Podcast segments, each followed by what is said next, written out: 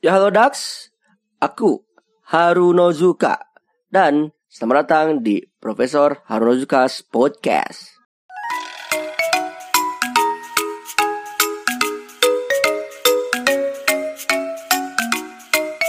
Hukum penyimpangan semu Mendel. Hmm, iya, iya. Nah, Mendel. Mendel ini secara biologi, ilmu biologi itu dia tuh ada eh ya aku ingat ya, mungkin ini bisa dikoreksi juga. Ada ada yang bersifat berapa? Dia tuh ada kecil kan A besar A kecil, B besar B kecil. Hmm. Yang mana di ujung-ujungnya adalah AA, Hmm. AB, BA, BB. Gitu maksudnya. Dan artian gini, A itu ideal, bagus. Jadi eh, kitanya eh, kitanya bisa menerima kritikan, orangnya mengkritik dengan baik. Itu itu langsung contoh contoh kontekstual ya gitu ya. Itu baru AA itu ideal. Tapi Hmm. kalau AB eh misalkan A-nya tuh akunya A gitu ya. Kitanya bisa menerima kritikan meskipun ya tapi dia, merekanya tuh kritiknya tidak membangun. Tapi kitanya masih bisa untuk menerima kritikan dengan baik, berarti kita yang bijak sendirian. Dianya enggak. Tapi kalau misalkan yang BA eh dianya kritik ngebangun, tapi kitanya bebal, nggak mau dikritik Hmm, iya, anti iya. nah ada juga kayak gitu dikasih tahu begeyel dikasih ini ini tapi inginnya bagus terus ada itu ya kayak gitu jadi tiba-tiba tiba-tiba kayak gitu Dan yang, yang terakhir nih ada ada yang contohnya BB gitu ya emang de, eh, dia anti kritik jadi kritiknya diserang juga itu makin ya itu yang dramanya di sini. Nah, iya. nah itu. Contoh analogi ke sana. Analogi biologi yang Mendel nggak tahu ini pemahaman aku ya selama ini untuk eh, tentang hal yang memang seperti eh, empat empat klausul ini selalu seperti itu gitu. Antara aku kayak kita atau mereka nya itu akan men- menyesuaikan gitu. Kalau kita yang nggak bijak mereka yang nggak bijak gimana akan makin nggak bijak dong kalau kita yang sama-sama nggak bijak. Makanya gitu. Secara makanya kalau kitanya bisa menerima kritikan dan mereka juga eh, mengkritik dengan cukup eh, benar-benar analitik dan baik gitu ya penyampaiannya dan emang bisa memberikan solusi itu baik. Makanya itu baru maju. Di situ yang kita kurangi. Makanya kamu wajar ketika kamu pernah dirasakan sesuatu karena emang mereka berarti nggak paham itu gitu. itu yang membuat nah sedangkan kitanya kalau kita sarwana sama-sama kayak gitu. Berarti bebe kamu tuh bebe berarti. Kalau mereka membangun kritik tidak membangun kemudian sama-sama malah marah anti kritik dan sebagainya dan malah nyerang. Nggak nyerang sih dalam artian udah tahu yang kayak gitu bukan di, bukan dilawan. Tapi kamu diladenin berarti kamu sama. Hmm. Menurut aku sih gitu.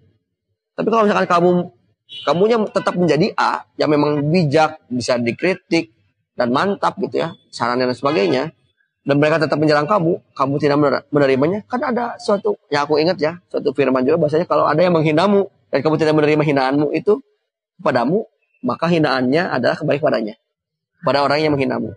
Gitu. Aku aku ingatnya ke sana. Jadi apa? Jadi kalau memang ha- harusnya nggak diladenin gitu. Gitu maksudnya tuh. Makanya disesuaikan aja itu itu dinamika, dinamika sosial seperti itu menurut aku sih gitu makanya eh, tetap berkarya sih terus itu secara mazhabnya emang aku mah aku membagikannya dua totalitas sama kreativitas. Jadi lahirlah suatu hijab cosplay itu dari kreativitas. Kalau pakai mazhab totalitas gak ada Miku Hatsune pakai hijab. Hmm, iya, iya. gak ada Miku Hatsune pendek. Tidak ada Miku Hatsune hitam. Tidak ada Miku Hatsune warnanya yang lain. Atau gimana itu tidak ada Miku Hatsune anime. Itu itu.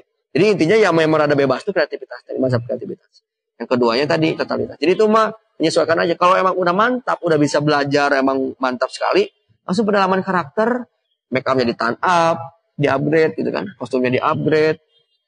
Kemudian juga yang lain gearnya juga di upgrade itu atribut yang lainnya. Terjadilah dan kamu menjadi berhasil dan kamu ya apresiasi paling tinggi seorang cosplayer itu adalah menurut aku ya ketika kamu bukan lagi disebut dirimu tapi disebut karakter eh kamu tuh disebut karakter tapi karakter lah karaktermu yang dikosplaykan menjadi dirimu. Contoh. Tahu si Abah nggak? Si Abah gitu. Yang suka Sonen Goroshi Hmm. si Abah tuh jadi kalau Abah itu yang cosplay itu yang cosplay Sonen Goroshi bukan. Kalau udah disebutnya eh Sonen Goroshi itu cosplaynya Abah. Nah itu itu kamu udah jadi bagus gitu. Udah paling tinggi menurut aku contoh dulu ya. Hinata Bandung dulu mah disematkan sama Sonya kalau tahu Sonya Elgori itu dulu dia tuh cosplayer di Bandung yang selalu konsisten selama bertahun-tahun. Dan karena masuk ke NCG ya selalu Hinata. Dari awal Hinata sampai Hinata yang Shippuden yang hampir tamat selalu Hinata. Semua bilang karena saking mendalami itu karakter karena itu mulai itu masa totalitasnya masuk. Makanya Hinata Bandung tuh Sonya gitu. Hinata itu adalah Sonya. Kalau udah sampai ke sana aku itu apresiasi paling tinggi. Karena apa berarti karakternya yang kamu cosplaykan sudah menjadi dirimu dan dirimu sudah menjadi yang apa yang kamu cosplaykan. Menurut aku itu. Itu yang menurut aku keren. Gitu. tapi kan tidak semuanya bisa seperti itu juga. Hmm. karena emang terkadang sekarang ada juga cosplayer yang eh, nggak selalu terus itu kan satu terus itu enggak gitu. dulu pernah si Adul SNK terus si Levi terus. Kan Levi Bandung teksi itu si Adul. Pernah gitu. Sao gitu. Nah itu tuh itu tuh suatu titel menurut aku itu apresiasi paling tinggi kalau emang sudah mendalami emang terus terusan seperti itu itu keren. Tapi terkadang kan bosan pengen karakter lain pengen proyek lain ada cosplay lain gitu kan proyek lain. Cosplayer cewek ahli nge, nge, nge cosplay genman tapi tentang idolnya dia gitu. Selalu ada selalu ada cosplay kayak gitu. Terus baru dak juga yang Akito Shion kalau nggak pernah. Ini dia selalu eh, cosplaynya yang idolnya dia gitu. Jadi yang main game idolnya ini karena cowok dia cosplaykan dan banyak gitu. Itu contohnya kayak gitu kalau udah makin lama itu terus-terusan nah contoh juga Akito Shion juga karena dia selalu cosplay Mika pasti Mika Bandungnya sah gitu. nah gitu maksudnya. Menurut aku itu apresiasi paling tinggi sih menurut aku di cosplay gitu. Termasuk kalau kamu memang sudah mantap di cosplay apa satu hal eh, kalau itu udah mulai mantap kalau kamu udah disebut seperti itu memet itu misalkan Koneko. Berarti Koneko tuh memet. Udah. Hmm.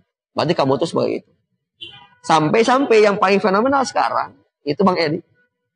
Edi Eh, Perfect Seiha.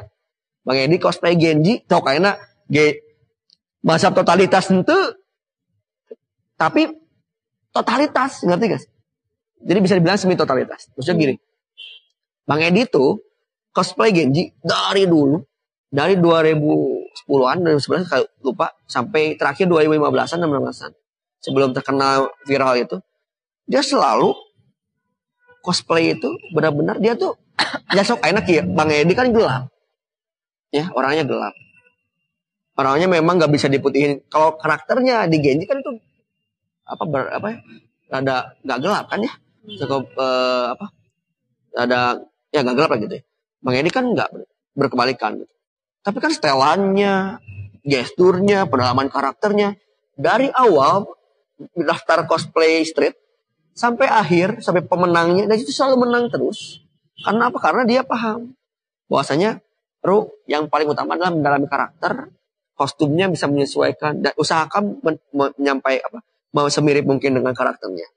Tapi yang paling utama adalah pendalaman karakter di situ. Makanya Bang Edi sampai sekarang mungkin saja sekarang apresiasi beliau itu ke semua Indonesia itu kan viral karena mungkin saja dijelek-jelekan atas dasar ya tadi nggak cocok sama eh, Genji kan karena uh, Edi itu padahal Edi itu wah luar biasa tuh.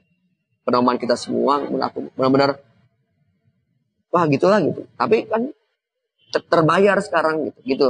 Itu hasil buah dari totalitas ada kayak gitu. Meskipun kitanya nggak sesuai dengan ekspektasi si Genji beneran gitu.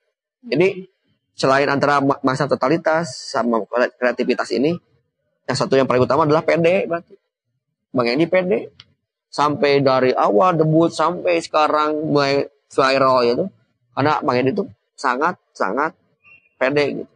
Sehingga di situ kan mengakibatkan hasilnya benar gitu. Sampai-sampai bahkan Bang Edi pernah cosplay Blade yang pamer itu. Hmm. uh itu baru lebih mungkin. Karena kan karakter Blade kan gelap. Hmm. kebetulan karakternya gelapan gitu.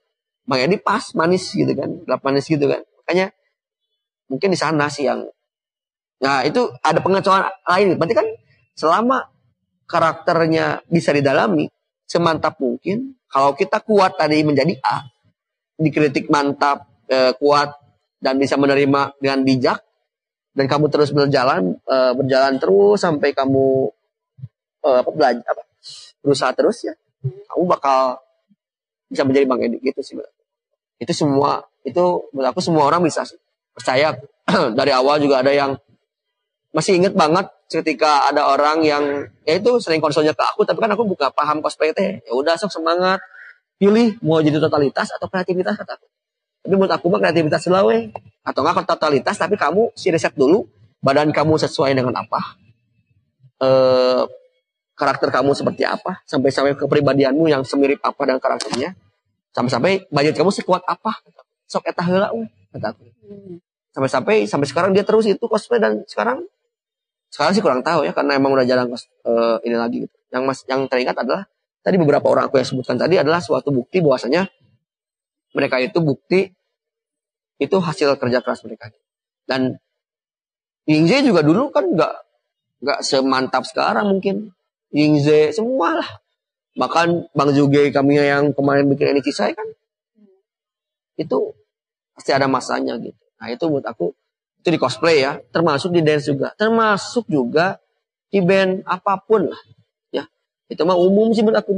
Tapi karena tadi masalahnya berarti kalau memang masyarakatnya mereka tidak bisa merubah pandangan apa ngeritiknya nggak bisa baik, nggak bisa benar secara penyampaian dan bahasannya tidak memberikan solusi, solusi tidak bersifat solutif gitu. Ya sudah gitu, berarti kitanya harus menguat. Berarti kitanya harus menguat dalam eh, apa situasi yang seperti itu. Menurut aku sih gitu. Paham nggak? Paham. Nggak gitu. Soalnya itu mah biar termasuk kamu juga mungkin itu saran aku dari ya menjadi fotografer juga karena baru kan. Dan fotografer juga kan masih panjang juga kamu hobinya gitu kan. Apalagi kan pilihan SBM juga di sini.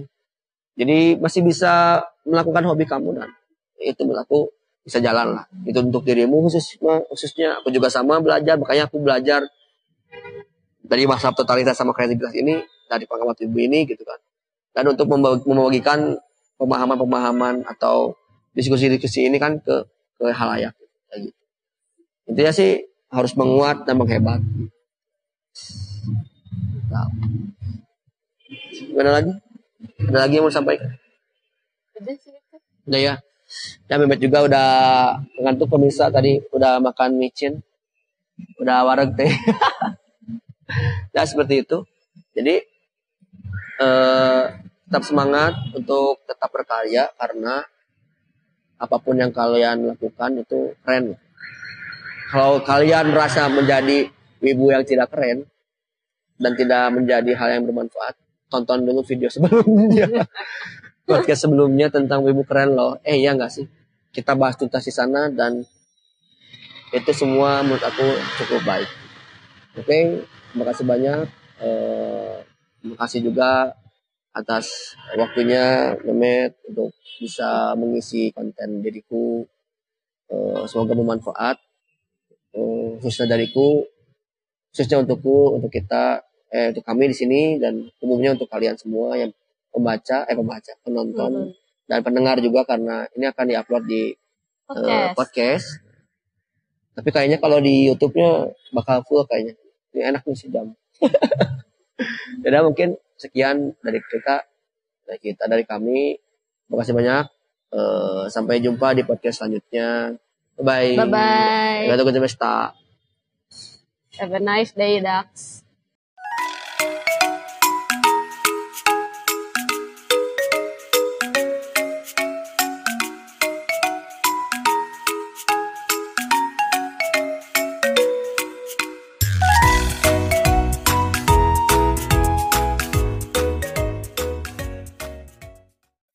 Halo Dax, terima kasih banyak sudah mendengarkan podcast ini. Berikan kritik, saran, dan pendapatmu melalui voice message di anchor.fm slash harunozuka slash message atau mau request juga boleh. Follow akun media sosialku di Facebook, Instagram, Twitter, dan Patreon dengan username ID Harunozuka. Dan juga subscribe channel YouTubeku di Prof. Harunozuka. Sampai jumpa di podcast selanjutnya. Terima kasih.